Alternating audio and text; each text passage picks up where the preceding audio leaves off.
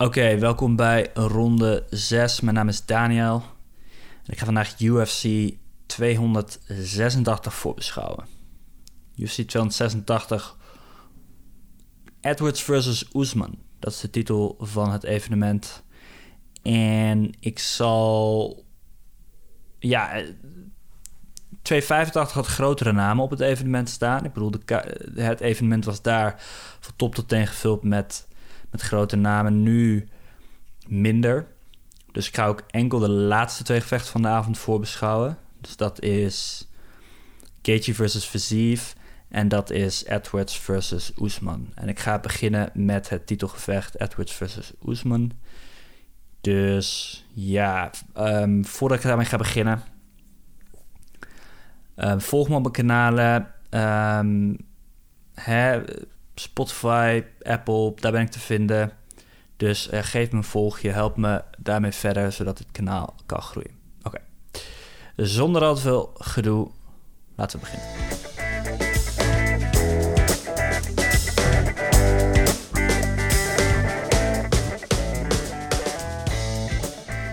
...286, Edward versus Usman. Edward versus Usman, nummer drie alweer trouwens. Het is ook even belangrijk om erbij te vermelden. Dit is niet de eerste keer dat de gasten gaan vechten. Nee, nee, nee. Dit is de derde keer dat de gasten gaan vechten. De eerste keer hebben ze gevochten in 2015. Toen won Oesman. En toen kreeg hij uh, het, het voordeel van de twijfel van de jury. En later vochten ze in 2022 voor de tweede keer.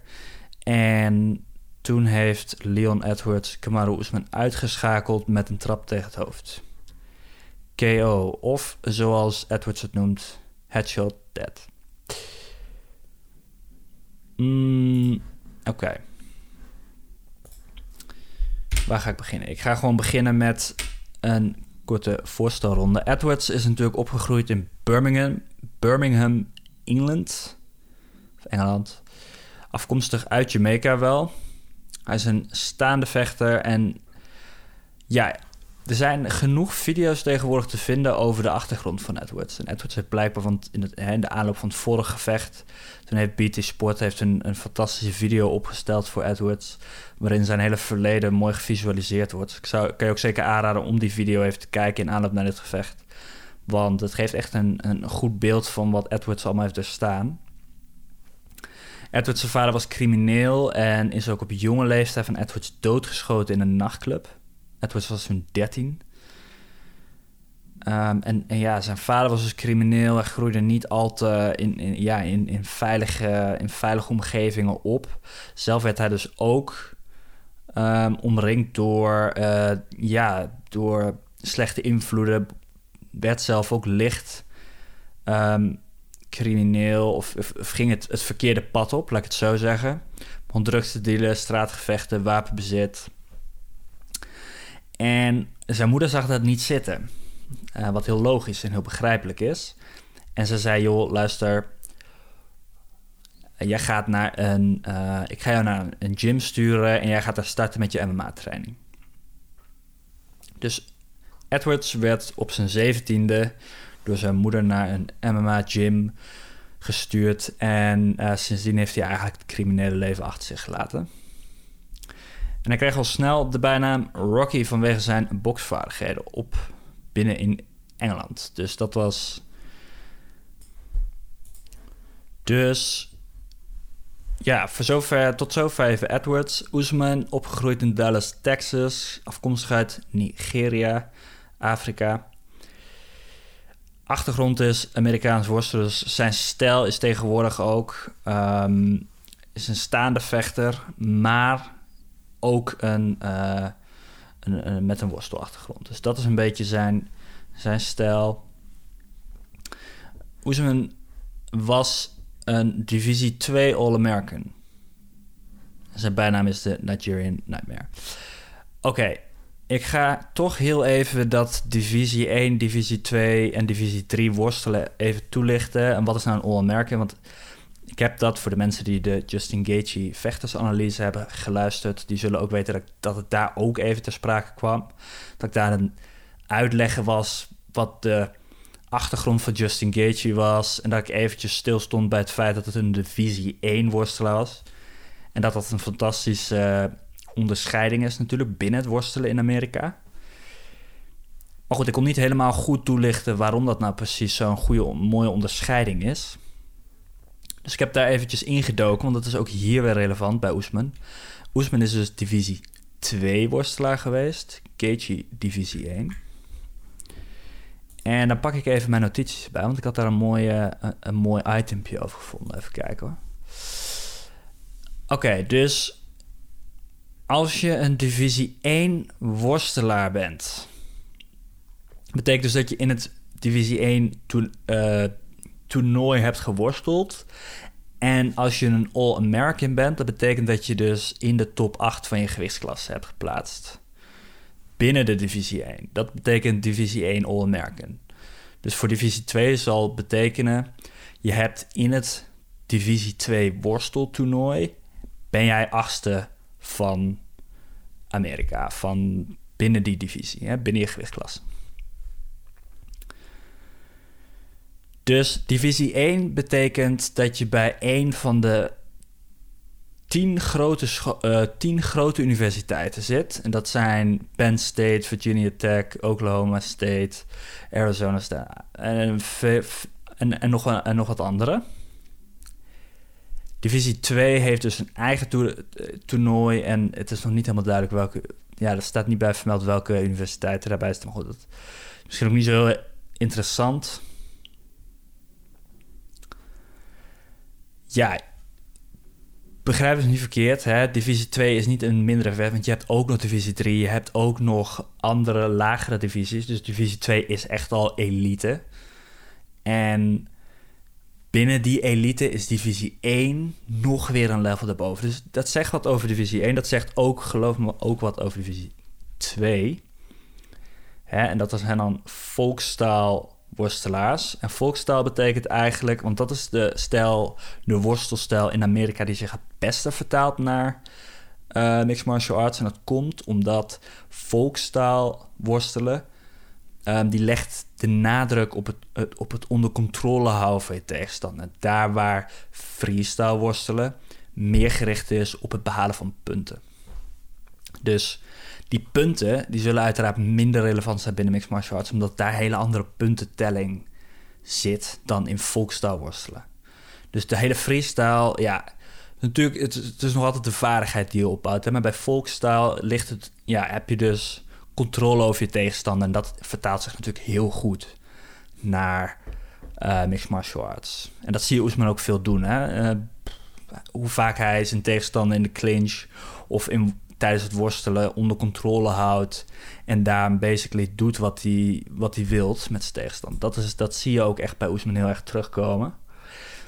Dus ja, dat is divisie 1 en divisie 2. Binnen het worstelen. Ik hoop dat ik dat goed uitgelegd heb. En ik hoop ook uh, dat dat het een en ander opheld, opheldert van de vechtsanalist van Justin Gage. Nou, dan gaan we even naar de gevechtsstatistieken paar dingen die toch wel even wat belangrijk zijn. De lengte. Edwards is ietsje langer. Oesman heeft wel weer een langer bereik. En Oesman is ook echt een stuk ouder. Oesman is 35 en Edwards is 31. Dus dat, is ook wel, uh, dat gaat ook een rol spelen. Want het punt is... Ze hebben natuurlijk heel lang geleden gevochten, in 2015. Dat is inmiddels acht jaar geleden. Dus dat betekent dat Leon Edwards destijds 23 was. Oesman destijds was dus al, ja, was dus vier jaar ouder, hè, 27, was dus al iets, ontwikkel, iets meer ontwikkeld als vechter. Daar waar Edwards nog echt, echt een, een broekie was. Want als hij 23 is, hij is op 17 begonnen, toen was hij vijf jaar bezig met mixed martial arts. Daar waar Oesman ik weet, ik weet niet precies hoe lang hij toen al bezig was, maar daarvoor had hij al een hele worstelcarrière achter de rug. En, en op, een, op, ook op hoog niveau. Dus Oesman had op dat moment al veel meer ervaring dan, dan Leon Edwards dat had. Dus. En Oesman heeft dat gevecht ook gewonnen met, met worstelen en met controle. Dus vandaar dat die worstelachtergrond van Oesman heel relevant was voor de eerste keer dat ze vochten. In het tweede gevecht zag je natuurlijk veel meer dat ze het staand hielden en dat um, ja, dat, dat, dat Oesman eigenlijk gewoon heel erg de overnam. Hij had ook heel veel controle tijdens het vecht. Maar je ziet dat Oesman ook echt zijn mannetje stond eh, op de voeten. Dus dat is. Dat, het tweede gevecht was echt heel anders dan het eerste gevecht. In zekere zin. Oké, dus uh, het aantal stoten dat landt per minuut zit ook een groot verschil in. Uh, Oesman landt 4,5 stoot per minuut, Edwards 2,5. Dat houdt in dat Edwards niet zo offensief is als Oesman tegenwoordig ook is, hè, natuurlijk. Oesman landt volume. Dat is het ook. Die, die man die ook zijn gevecht met Tyron Woodley voor de titel in de eerste instantie. Hè? Toen heeft hij uh, Tyron Woodley verslagen op volume, op, op punten. En Oesman is daar heel goed in. Als je vijf ronden vecht met Oesman, is de kans gewoon klein dat je op het einde wegloopt met de, met de beslissing. Mm, wat is nog meer interessant? Ja, en het aantal uh, worpen per 15 minuten. Edwards 1,4, Oesman 3. Maar goed, Oesman heeft tegenwoordig wel meer last van zijn knieën. Uh, volgens mij was hij bij Joe Rogan en toen zei hij dat zijn knieën echt helemaal gort lagen en dat het pijn doet om asfalt te lopen en dat hij daarom graag op gras loopt. Dus ja, hoeveel. Hij gebruikt zijn worstelen nog steeds wel, maar natuurlijk in mindere dominante mate. Ik denk dat dat ook de een van de redenen is waarom hij zijn, zijn, zijn, zijn staande spel wat meer ontwikkeld heeft bij Whitman. Maar daar ga ik straks nog even wat uitgebreid op terugkomen. Ja, de, de uh, 68% van Leon Edwards en 97% van Kamaru Usman. Is maar één iemand die hem ooit naar de grond gehaald heeft. En dat was Edwards in het vorige gevecht. Dus Usman versus Edwards 2. Dus dat is een interessante statistiek. Usman haal je niet snel naar de grond. Hij is overigens ook echt gigantisch uh, gespierd. Dus uh, ja. Het is, een, sterke gast die, die je niet zomaar uh, onder controle hebt. Ja, dan kun je kijken naar de laatste gevechten van. Um, de laatste gevechten van. Oh, dit is ook wel interessant. Ja, ik dacht, ik zat even te kijken wat ik hier nou gedaan heb. Maar als je kijkt naar de, eh, de, de gemiddelde ranking van de tegenstanders van beide. Bijvoorbeeld Edwards, de gemiddelde rang van zijn tegenstanders is 13, nummer 13 daar waar Kamaru Usman gemiddeld met rang 6 gevochten heeft. Dus dat betekent dat zijn tegenstanders opgeteld hè, gemiddeld dus uh, rang 6 in de divisie hebben. Dus er zit een aardig verschil in zeg maar, het niveau wat ze hebben binnen de divisie op dit moment. Hm? Ik hoop dat ik dat ook weer goed uitgelegd heb trouwens. Oké, de vechtersanalyse. Edwards schakelde Oesman natuurlijk uit met een neppe linker en, of neppe linker-rechter stoot. En Oesman bewoog zijn hoofd naar rechts. En de linkerhoogtrap landde op Oesmans gezicht. Nou, dat was echt mooi, want ik, zag, ik zat ook de countdown te kijken van UFC. En ik zag ook, je hoorde ook dat de, de hoek van Edwards die schreeuwde ook, die, die riep ook om die combinatie van, van Edwards. Dus het betekent dat het echt in zat, voorbereid hadden. En dat het niet zomaar iets is wat Edwards maar even proberen. Nee, dit was echt vooropgezet. Hier hebben ze echt op geoefend. En misschien leek het even alsof Edwards niet meer heel veel geloof had in zichzelf en in, in hun plan. Maar uiteindelijk hebben zij hun plan wel succesvol weten uit te voeren. Dus dat is natuurlijk heel mooi mooi gedaan. Die countdown was ook echt wel leuk om te kijken. ik moet wel zeggen, ik kijk toch over het algemeen niet graag naar countdowns van UFC, omdat het zo. Er zit zoveel herhaling in. Nu ook weer, zeg maar die. Ze doen dan zeg maar dat segmentje en dan lijkt het alsof ze midden in dat segment gewoon weer opnieuw beginnen en daar dan weer een klein strookje nieuwe informatie aan vastplakken. Het is zo. Die dingen duren altijd een half uur, maar ik heb het idee dat je maar 20 minuten aan nieuw beeldmateriaal krijgt elke keer. Dus ja, dat is uh, even een, een, rant die ik even kwijt wilde. Uh, Edwards heeft eigenlijk gewoon alle vaardigheden om te winnen. Ik bedoel, die man, als je ook trainingvideo's van hem kijkt, zijn, zijn techniek is zo smooth en zo, zo scherp. Er zit zoveel kracht en intentie achter. Ik bedoel, die, die ellebogen en trapcombinatie die hij die, die, die een keer post op zijn Instagram, zo, zo mooi en zo, zo krachtig. Dus Edwards heeft zeker de, de, de vaardigheden in huis om, om te winnen. Alleen tijdens het voorgevecht was hij zo huiverig. Ik weet niet wat er precies door zijn hoofd raasde allemaal. Ik denk dat hij er gewoon achter kwam van... joh, deze gast is echt veel beter dan dat ik, dan dat ik had geanticipeerd. En ik kom er niet doorheen. Ik krijg mijn, krijg mijn spel gewoon niet gaande. En hij trapt niet in de vallen die ik, die ik aan het opzetten ben. Ik denk dat dat gewoon even allemaal begon door te dringen. Dat hij steeds meer begon te twijfelen aan zichzelf. Dat terwijl hij een fantastische eerste ronde had. Waar die Oesman uh, controleerde en, op zijn rug zat. En hem, de, en hij bedreigde met, met submissies. Dus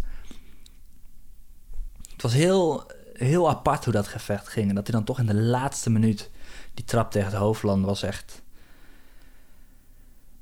Ik zag het op een gegeven moment ook niet meer aankomen. Maar um, het is gebeurd. Edwards is de kampioen en hier is hij. En ik hoop dat dat dat dat gebrek aan zelfvertrouwen... wat hij in het midden van dat gevecht had... dus uh, in het vorige gevecht had... dat dat nu niet meer naar voren gaat komen. Dat hij echt zelfvertrouwen heeft. En dat hij vijf rondes bereid is om te gaan. En dat hij meteen met intentie komt... en niet meer begint te twijfelen als bepaalde dingen niet werken. Ik hoop dat dat iets is wat we gaan zien van Edwards dit keer. Is dat hij zelfvertrouwen heeft.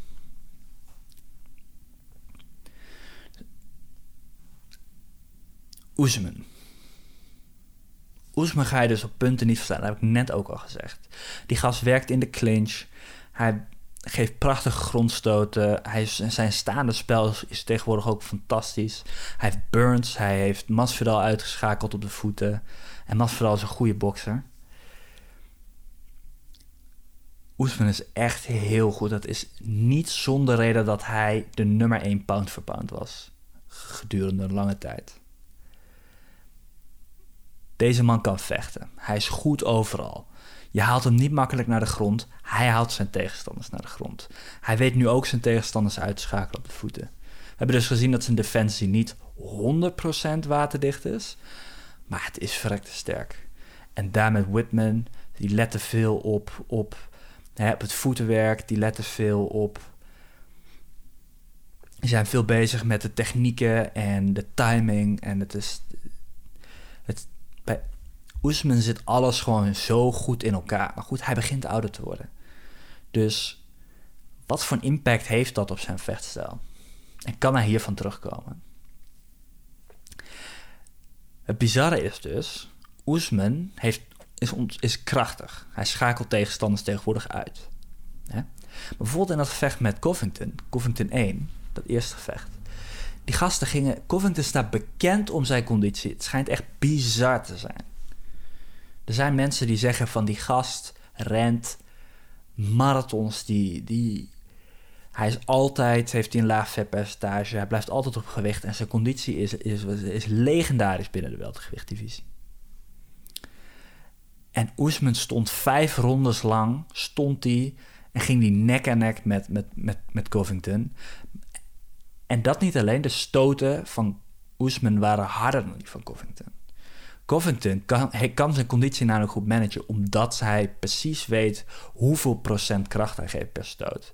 Dus bijvoorbeeld Covington, die geeft per stoot 60%, zodat hij weet van oké, dit kan ik vijf rondes lang doen. En zoveel als ik wil. Maar Oesman leek wel alsof hij hetzelfde deed, maar dan met 80%. Dat was echt, echt bizar om te zien. Echt super erg onder de indruk van, van Oesmans conditie. En nu vecht hij natuurlijk ook nog op hoogte. Hiervoor vocht hij uit Miami. Ik weet niet precies hoe hoog dat boven het zeeniveau is. Maar hij vecht dus tegenwoordig uh, Team Elevation in Denver volgens mij. En dat is volgens mij op 1704 meter. 1704 eh, meter boven zeeniveau. Dat zou ik even moeten opzoeken. Maar het is in ieder geval in de bergen op, uh, ze leren vechten daar met weinig zuurstof. Op het moment dat zij naar beneden gaan, ze gaan straks naar een plek. Volgens mij is dit evenement in Londen. Dus hij gaat vechten op normaal zeeniveau, dus zijn conditie gaat super goed zijn.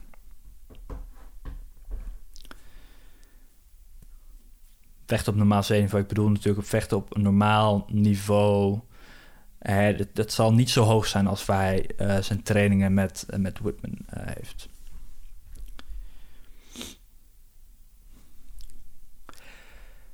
Oesman heeft ontzettend veel ervaring als kampioen.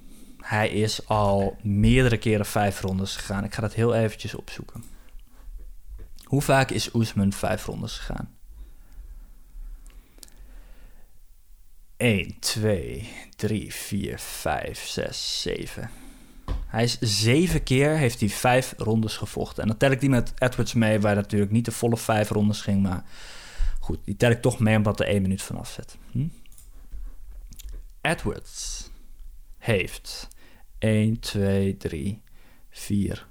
Vier keer vijf rondes gevochten. Dus er zit ook alweer een verschil in. Oesman heeft vaak vijf rondes gevochten. Die weet precies hoe hij zijn, zijn energie moet managen. Maar goed, Edwards 4. Goed, die zal dat ook prima weten hoor. En ik heb Edwards eigenlijk nog nooit in de problemen gezien in de latere rondes. Behalve dan tegen, Edward, uh, tegen Diaz.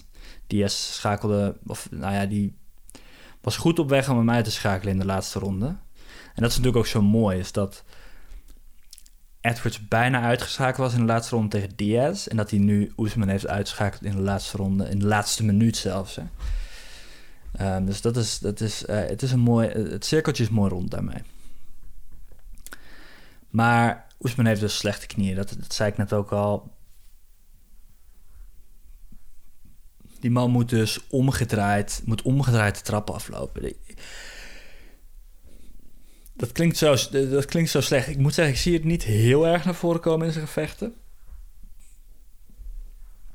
Maar toch blijft het natuurlijk. Toch blijft dat natuurlijk een factor. Dus ik ben heel benieuwd hoe hij bijvoorbeeld reageert als hij heel veel trappen tegen het been krijgt. Dat, moet verschrikkelijk. Ik kan me alleen maar inbeelden hoeveel pijn dat doet. Dus ja, dat, dat, dat kan natuurlijk altijd een rol spelen. Hè? Uh, aanvallen tegen de benen zullen zullen veel effect hebben bij Oesman. Ja, Edwards is dus de nieuwe kampioen. Hij heeft keihard moeten vechten om hier te komen. Je zag ook echt op toen het gevecht voorbij was tussen, tussen hun en Edwards kreeg die kreeg het kampioenschap aangerekend door, door Dana White. En je ziet gewoon, je ziet wat het met hem doet. Die man werd super emotioneel. Dit betekende echt heel, heel veel voor hem. De vraag is dus, wat gebeurt er als Oesman nu wint? Zeg maar, hoe gaan we, dit, hoe gaan we dat moment herinneren als ja, in de geschiedenis van mixed martial arts? Dat is dus een beetje, en dat, dat heb ik, dat hoor ik de laatste tijd steeds vaker voorbij komen. Zo van, wat is nou het probleem met die, met die uh, met die herkansing die meteen gebeurt op het moment dat een lang, uh, een lang regerend kampioen uitgeschakeld wordt. Dat hebben we gezien met Amanda Nunes. Dat, hebben we nu, dat zien we nu met Oesman. Dat gaan we zien met Adesanya. En dat gaan we waarschijnlijk ook zien met Shevchenko, die laatst haar kampioenschap verloren heeft. Ze krijgen meteen een herkansing. En het probleem daarvan is dat, en dat zag je ook bij Peña versus Nunes, hè, is op het moment dat Nunes haar titel weer terugwon. Dat moment van Peña is nu eigenlijk veel minder significant in de geschiedenis. Het is meer een soort, ah, dat, dat, dat gebeurde één keer en dat was gewoon omdat Nunes niet kwam opdagen. Dat is dus het gevolg van dit soort, van dit soort, um, ja, herkansingen. En ik ben dus heel benieuwd hoe Edwards daar zich je uit gaat knokken. Want we hebben natuurlijk het vorige gevecht gezien. En in dat vorige gevecht was Oesman ontzettend dominant, behalve de eerste ronde en behalve in de laatste minuut van hun gevecht. Dus het overgrote geheel was Oesman dominant. Was hij aan het winnen. Dus wat gaat er nu gebeuren? Wat en wat betekent die KO voor Oesman? Dat is dan weer de keerzijde van. Hè? We hebben Oesman Volgens mij is hij nog nooit uitgeschakeld middels een knockout. De enige keer dat hij verloren heeft was een submissie, een, een naakte verwerging. En dat was in 2013. 2013. Dit was 2022. Een KO en een, een, een grove KO ook. Een trap tegen het hoofd.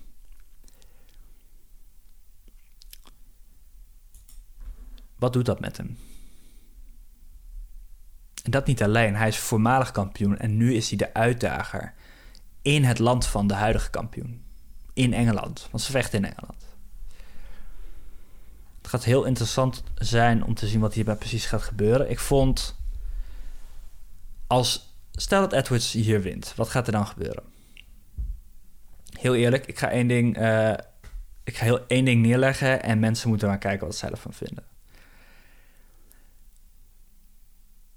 Conor McGregor gaat vechten tegen Michael Chandler in september, volgens mij. Wat als Conor McGregor wint van Michael Chandler? Dat is een grote, wat, uh, een grote, grote vraag. Hè? Stel dat hij dan zegt: Ik wil Edwards. Ik wil Edwards.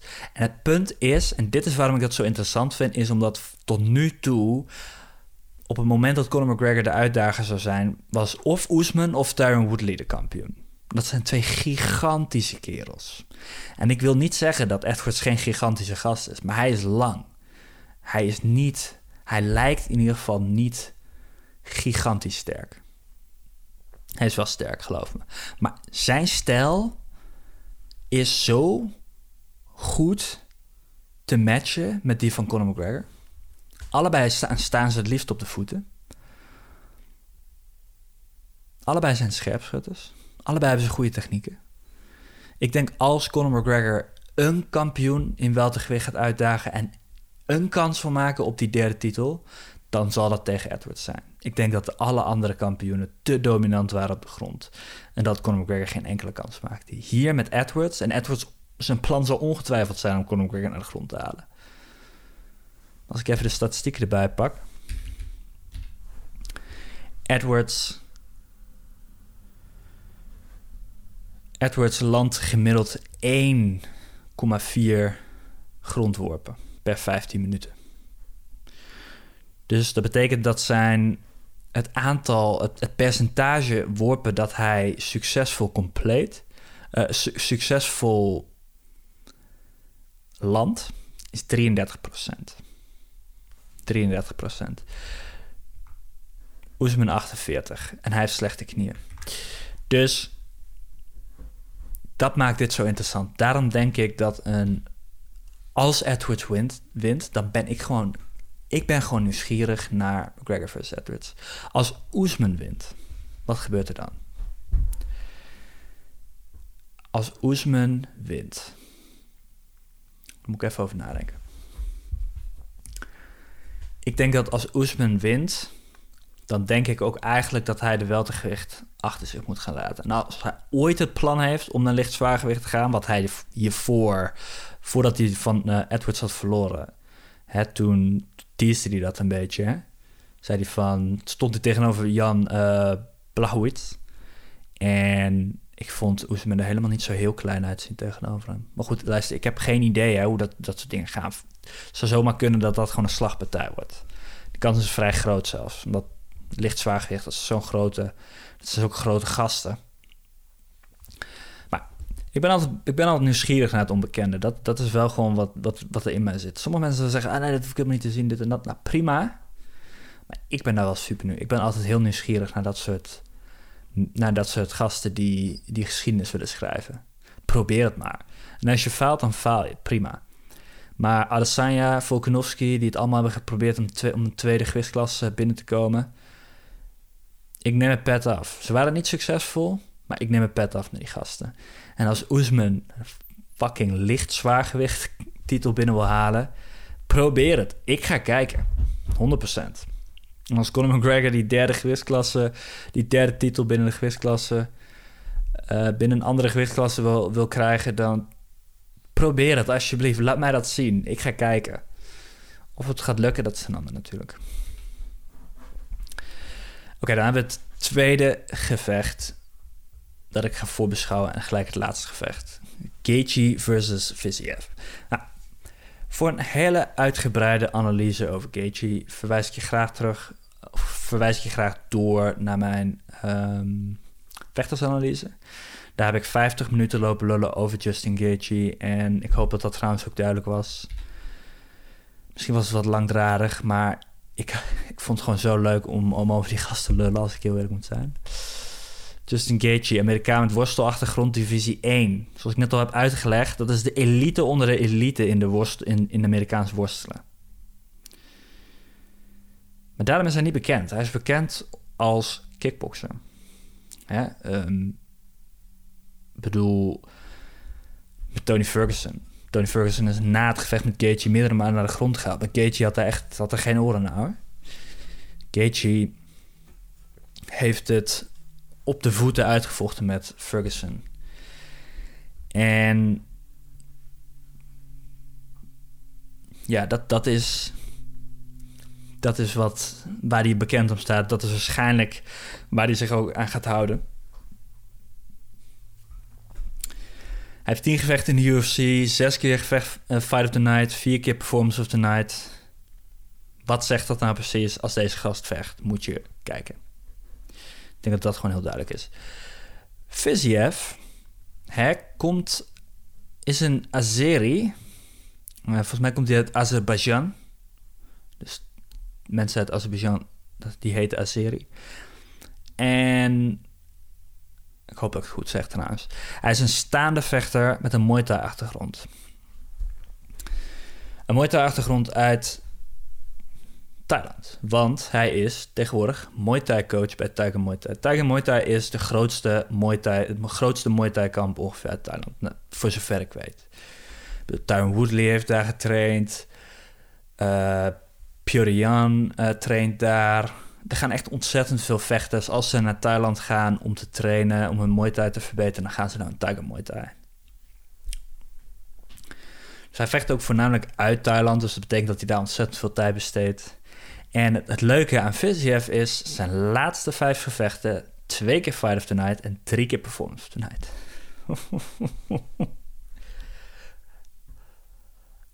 Deze twee gasten gaan gegarandeerd, gegarandeerd een vermakelijk gevecht creëren. Ik, ik hoop gewoon dat het de drie volle rondes gaat. En dat het niet na een half uur of na een halve minuut al voorbij is. Ik heb echt zin om deze twee gasten te knokken. Ik heb echt zoveel zin in. En het was ook zo leuk om dit, om deze, dit gevecht voor te bereiden. Want de gevechten van Gaethje zijn echt fantastisch. De gevechten van Viziev zijn echt geweldig. Dus Oké, ik ga door naar de gevechtsstatistieken. Gelijk een interessant... Ja, iets wat gelijk opvalt is het aantal winsten en verliezen. Justin Gaethje 23-4. 23 keer gewonnen, 4 keer verloren. Rafael Fiziev. 12 keer gewonnen, 1 keer verloren. Dus er zit gewoon een hele grote gap daar in, hun, in hun ervaring in mixed martial arts. Het aantal stoten de lamp per minuut. Justin Gaethje 7,5. 7,5. Holy shit. Dit heb ik ook al aan de vechtersanalyse gezegd. Justin Gaethje landt superveel stoten. En dat komt omdat hij altijd binnen het bereik van zijn tegenstander beweegt. Vanwege zijn gebrek aan bereik. Visief 4,8. Dat is ook hoog. Dat is echt hoog. Die twee gasten gaan landen op elkaar. Keerzijde, het aantal stoten geabsorbeerd per minuut voor Justin Gaethje 7,8. Om dit eventjes in perspectief te zetten trouwens, drie stoten is gemiddeld hè. Vechters krijgen, absorberen gemiddeld drie stoten per minuut. Justin Gaethje 7,8. Versief 4,8. Dus deze twee gasten die ontvangen gemiddeld net zoveel stoten als ze uitdelen. Even kijken, even kijken, even kijken. Ik ga heel even een interessante statistiek erbij pakken. Ik heb laatst natuurlijk de hele lichtgewichtdivisie geanalyseerd op statistiek... in voorbereiding van de Justin Gaethje vechtsanalyse. Ik ga even kijken of ik daar nog wat interessante dingen kan vinden over fysief. Even kijken hoor. Fysief, fysief. Ah.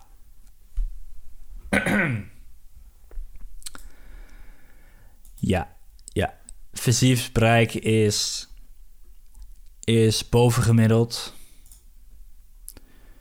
Dus, maar goed, net, net erboven. Geen, geen uh, drastisch verschil. Even kijken. offensie. eh, Ja, fysiek is zowel offensief als defensief erg sterk. Ehm, nou, verder geen interessante dingen te vinden. Oké. Dus terug naar de statistieken. Eh worpdefensie. Justin Gaethje 75%. Fysief 92%. Dus als Justin Gaethje zijn fantastische achtergrond en worstelen gaat inzetten om eh, dit gevecht eh, naar de grond te halen, mij erg zou verbazen als ik heel eerlijk moet zijn. Maar goed, als Fysief heeft 92% worpdefensie, dus het gaat vrij lastig worden. En er valt nog één ding op natuurlijk. En dat is de, zijn de meest recente gevechten. Justin Gaethje, Oliveira, Chandler, Nurmagomedov, Ferguson, Cerrone. Fiziev, Dos Anjos, Riddell, Green, Moicano, Diakies. Ik weet even niet hoe je laatste uitspreekt. Dus, Gaethje heeft echt gevochten met de, met de top van de divisie. Ik bedoel, hij heeft ook gevochten met, met, met, met Poirier eh, in het verleden. Dus Gaethje's ervaring met de top van de divisie is echt heel, eh, echt heel rijk. Daar waar Fiziev niet verder komt dan volgens mij top 10. Dos Anjos, is Dos Anjos top 10? Even kijken. Rankings. UFC. Even kijken hoeveel mensen Fiziev uit de top 10 heeft gepakt. Dos Anjos is 9. Dus Dos Anjos is Fiziev's enige top 10 ervaring. Daar waar Justin heeft vocht met Oliveira, nummer 1. Poirier, nummer 2. Chandler, nummer 5. is gewoon veel, veel, veel meer ervaring met de top. Oké, dat waren de statistieken. Dan nogmaals, vechtersanalyse. Gaethje doe ik veel uitgebreider in de Justin Gaethje vechtersanalyse. Maar hier ga ik heel even kort de hoogtepunten benoemen. En dat is... Worstelstatistiek middelbare van Justin Gaethje is 191,9. Zevende plek in de Divisie 1 kampioenschap. Top 8 is All-American, dus hij was nummer 7. Dus Justin Gaethje was Divisie 1 All-American. Traint met Oesman en vroeger met GSP. Dus die gast heeft echt ontzettend veel ervaring met hoog niveau. En hij kan worstelen. Maar gaan we uiteindelijk zien, ik denk het niet. Gecoacht door Trevor Whitman sinds 2011, zijn begin van zijn professionele MMA-carrière. Vecht graag binnen bereik, daarom landt hij veel en ontvangt hij veel. Justin Gaethje heeft dus een ondergemiddeld bereik, dus hij moet binnen het bereik van zijn tegenstanders komen om een klap te landen. En terwijl hij dat doet, ontvangt hij ook heel veel stoten. Gaethje's absolute grootste wapen zijn zijn beentrappen. Die zijn al zo vaak succesvol geweest. In bijna alle gevechten komen ze terug. En het mooie eraan is dat hij ze landt binnen het boksbereik met zijn tegenstander. Dus dat betekent dat hij geen aanloop nodig heeft. Dat betekent dat hij niet een harde swing nodig heeft. Nee, Justin Gaethje's beentrappen zijn effectief van dichtbij. Dat is bijzonder. Ja, je ziet gewoon bij Johnson, Elvers, Poirier, zwelling en die gasten gaan naar de grond vanwege de trap. Ik bedoel, Gaethje heeft echt zoveel schade aan zijn tegenstanders toegebracht met, met beentrappen. Dat is echt ongelooflijk. Maar Viziev, Viziev is Muay Thai specialist. Die gasten gebruiken ontzettend veel trappen. Volgens mij trappen ze ook mega veel tegen het been. Dus ik denk dat zijn been geconditioneerd is voor dit soort gevechten. Zijn professionele Muay Thai statistiek was 29-4. 29 keer gewonnen, 4 keer verloren. Maar zijn amateur, en dat hoorde ik Bisping een keertje zeggen tijdens, de, tijdens uh, als commentator. Zijn amateurstatistiek is meer dan 200 amateur Muay Thai gevechten gehad. Dat is grappig, want Justin Gaethje heeft 200 worstelpartijen gevochten en op de middelbare. Fiziev heeft 200 amateur Muay Thai gevechten gehad. Ze hebben allebei ergens heel erg veel ervaring in. Het enige wat lastig is, is dat Justin Gaethje ervaring heeft in, in iets wat hij niet gebruikt. Daar waar Fiziev ervaring heeft in iets wat absoluut gebruikt gaat worden tijdens een gevecht. En dit is nog wat mooi. Justin Gaethje heeft problemen gehad met uh, tegenstanders die naar het lichaam gingen. Justin Gaethje is wat langer, is bovengemiddeld lang voor de divisie. En hij, hij vecht ook staand, hij vecht ook lang. Dus dat betekent dat zijn lichaam, ja, die, die is klaar om geraakt te worden. Zeg maar, er zitten veel gaten in zijn panzer rondom zijn lichaam. En Poirier heeft dat gebruikt. Alvarez heeft dat gebruikt. Johnson heeft dat volgens mij gebruikt. Er zijn verschillende tegenstanders van Justin Gaethje die dat uitgebuit hebben. En Visief heeft tegen Diakies... Ik weet echt niet hoe je dat uitspreekt, maar goed. Dat was vijf, vijf potten geleden heeft hij tegen Diakies gevochten. En daarbij ging hij ook veel naar het lichaam. Want, want zijn tegenstander was langer. En hij ging ontzettend... Oh, hij, bleef maar die levensstoot... Och, het zag er ook gruwelijk uit. En ik denk dat dat ook zeker iets gaat zijn wat Visief gaat gebruiken tegen Gaethje. Stoten naar het lichaam, let daarop. Daarnaast is Visief super flexibel. Hij kan echt super ver naar achter buigen bij hoge... Dus als zijn tegenstander een hoge trap probeert te landen... Je ziet, je ziet Visief zo naar achter leunen, zeg maar... om te ontwijken alle Matrix. hij kan echt flink, flink naar achter leunen. Dus hoge trappen gaan hij heeft gewoon veel flexibiliteit. Uh, veel ervaring in, in, in, in, de, in de kickboxafstand, in het kickboxbereik, zeg maar. En hij heeft een ongebruikelijk ritme. Dus, maar goed, daar maak ik me eigenlijk bij Justin Gaethje niet zoveel zorgen over, want hij heeft gevochten met Tony Ferguson. Ferguson heeft een zeer ongebruikelijk en onorthodoxe vechtstijl, dus... Maar goed, het kan natuurlijk altijd voor problemen zorgen. Dus dat is een beetje wat de pot aan gaat zijn. Ik denk dat bij Justin Gaethje de beentrappen heel interessant gaan zijn om in de gaten te houden. En ook het boksen, want bij Muay Thai... Volgens mij zei Bisping dit ook. Hij zei, binnen bij Muay Thai zijn... Als, als Muay Thai vechters ergens een zwakke, een zwakke plek hebben... dan is het binnen boksen. Dat zijn de handen. En dat wil niet zeggen dat ze niet goed, niet goed zijn met de handen... maar dat zegt dat dat van al hun vaardigheden... waarschijnlijk de minst gepolijste vaardigheid is.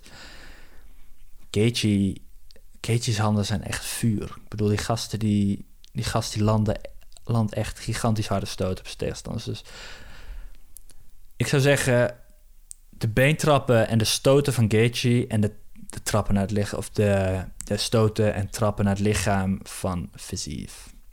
Dat zijn de twee dingen waar ik heel erg op ga letten in ieder geval. Als Justin Gaethje wint, dan wil ik hem niet zien vechten voor het kampioenschap. Dit gaat hij wel proberen. Maar dat wil ik niet zien. Waarom niet? Omdat hij nu twee keer gevochten heeft voor de titel in drie gevechten. Binnen drie gevechten. En ik heb gezien wat ik moet zien en ik wil hem al helemaal niet zien vechten tegen Makachev. Niet nu in ieder geval. Wat ik wil zien is Gaethje versus Poirier 2. Dat gevecht was fantastisch. Gevecht van het jaar. Poirier heeft laatst gewonnen van Michael Chandler. Als Gaethje hier wint van Fiziev... laat die twee nog één keertje knokken... en degene die van hun wint... die krijgt de laatste kans op goud. Poirier heeft ook laatst weer voor de heeft ook twee keer voor de titel gevochten, twee keer gefaald. Gaethje heeft twee keer voor de titel gevochten, twee keer gefaald. Laat hun het maar uitvechten... en laat hun bepalen wie van de twee een laatste kans krijgt. Dus dat is wat ik wil zien voor Gaethje. Niet voor de titel meteen. Maar goed, hij is natuurlijk wel, en dat is dan hetgeen wat hij altijd mee heeft. Hij is echt een sensationele vechter. Die gast, hij heeft zoveel prijzen binnen, binnen MMA gewonnen. Gevecht van het jaar, Fight of the Night, hè, Performance of wat ik net al, wat ik net al noemde. Ja, dus ik snap het. Ik bedoel, het is, een, het is, het is iemand die, die, die ogen trekt. Hè? zijn pay-per-view buys flink tegenvallen voor zijn gevecht tegen Oliveira. Maar goed. Ja. Ja, dat is eigenlijk wat ik over Cage kwijt wil. Ik denk gewoon dat hij... Als hij het nog één keer wil proberen... Ja, als je nog één... Ja, en wat als hij verliest? Misschien is dat nog een betere vraag. Wat als Gaethje verliest van Visief? Ik denk persoonlijk dat het dan klaar is. En dat hangt ook een heel klein beetje vanaf hoe die verliest. Als het super competitief is, bedoel, is echt... Ik bedoel, die gast is super, super, super goed op de voeten. Dus het is echt geen ramp als Gaethje van iemand als Versief verliest. Ik bedoel, dat is een Thai specialist. Dat is precies het bereik waar, waar in moet in, in vecht. Maar goed, daarom... Gaethje heeft veelal gevochten met zijn uh, tegenstanders die staand vechten. Even kijken wat er dan gebeurt. Kijk, Gaethje heeft natuurlijk niet alle staande gevechten gewonnen. Hè? Hij vecht als hij staand vecht en verliest. Dan gebeurt dat in ronde. Ja, in de latere rondes. In ronde 3 en 4 heeft hij verloren van Eddie Alvarez en Dustin Poirier. Toen is hij uitgeschakeld met een KO of een TKO. Hè? Andere waren submissies. Dat ga ik het even niet, want dat gaat niet zo heel relevant zijn, dit gevecht. Dus dat betekent dat op het moment dat hij op de voeten vecht, knokt met zijn tegenstanders, dan moeten zijn tegenstanders hem aardig vaak raken, willen ze hem daar wegkrijgen.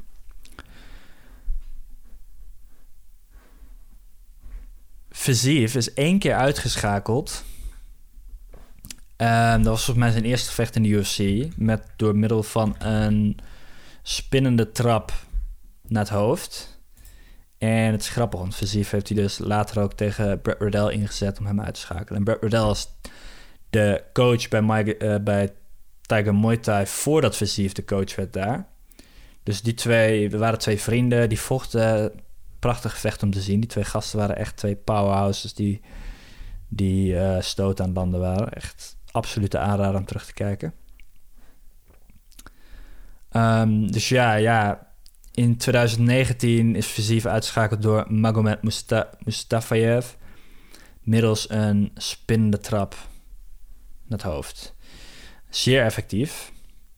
Dus ik denk dat Justin Gaethje daar ook misschien nog wat uh, uit gaat halen. Uh, hè, dat... Maar goed, we hebben daarna gezien dat Versief absoluut daarvan geleerd heeft. En want andere tegenstanders zoals Mark Dakies heeft dat ook geprobeerd. En die lukte het niet. En daar kwam de flexibiliteit van Versief dus heel erg naar voren. Dus ja, als Gaethje hier verliest en hij wordt uitgeschakeld, op bruut uitgeschakeld, dan hoop ik dat hij zijn handschoenen in de octagon achterlaat en dat hij ermee stopt. Ook al vind ik het echt een fantastische vechter om te zien, hè. Maar die man absorbeert zoveel stoten. Dat betekent dus niet dat hij Justin Gaethje... Dat betekent dus niet dat Justin Gaethje, want zijn statistiek is 23 keer gewonnen, 4 keer verloren. Nee, nee, nee. Dus dat betekent 27 partijen. Met Justin Gaethje heeft zoveel schade geïncasseerd dat hij eigenlijk 54 keer gevochten heeft. Misschien wel 60 keer gevochten heeft. Zoveel schade heeft hij geabsorbeerd.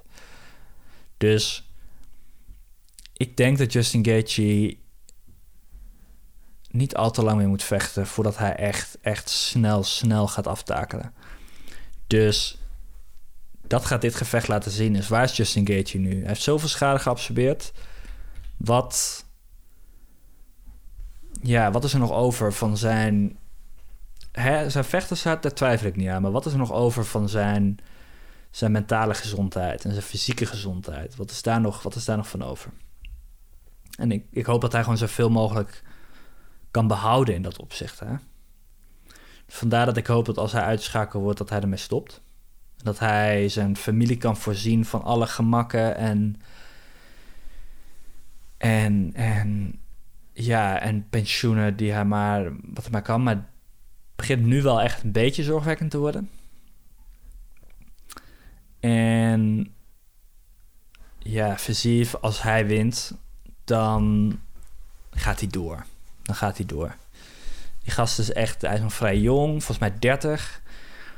Dus dit is het begin van zijn. Dit is het, ja, in ieder geval het begin van zijn aanwezigheid in de top van de divisie. En als hij hier wint, dat Justin Gaethje uitschakelt van volgens mij nummer 2 in de divisie, nummer 3, dan, ja, dan staat hij bovenaan. En dan hoop ik Poirier versus Versief te zien eigenlijk voor de volgende die gaat vechten voor de titel. Dus ja, de winnaar van dit gevecht zie ik het liefste vechten met Dustin Poirier. voor de nummer 1 spot. Nummer 1 plek.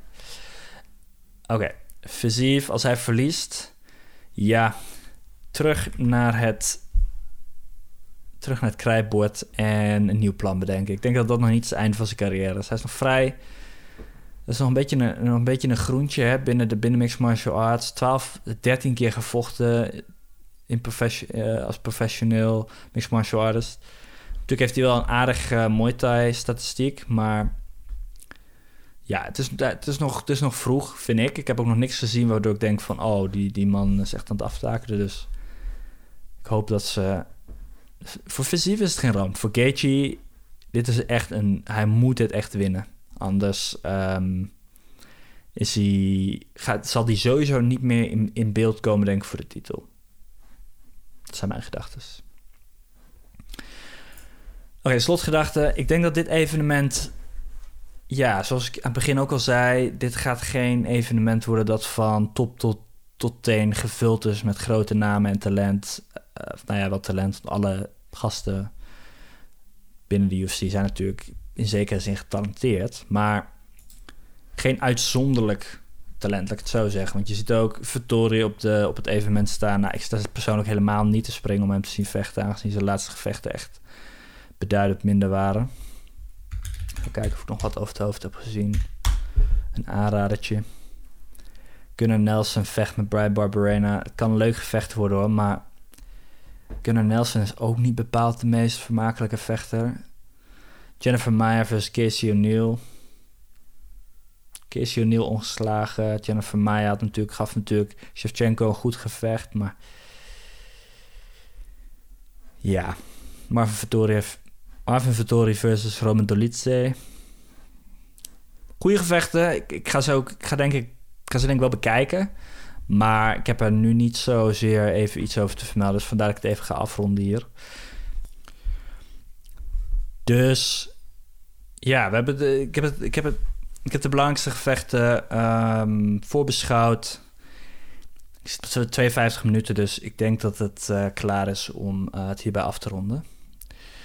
Nogmaals, ik hoop dat jullie ervan gaan genieten. Ik denk dat, dat het al met al toch een heel leuk, leuk evenement gaat worden. Het publiek in, in, in Engeland is altijd super aanwezig, super enthousiast. Dus die gaan er ook een mooie sfeer van maken. Dus ik kijk er zelf wel heel erg naar uit. Um, ja. Tot slot. Um, ja, geef me nog een volgje op uh, de beschikbare kanalen. En de volgende zal worden UFC 287 voorbeschouwen. Misschien dat er nog een vechtnieuwsje tussendoor komt. Maar ik moet nog even kijken of daar genoeg te melden is. Oké, fijne dag nog.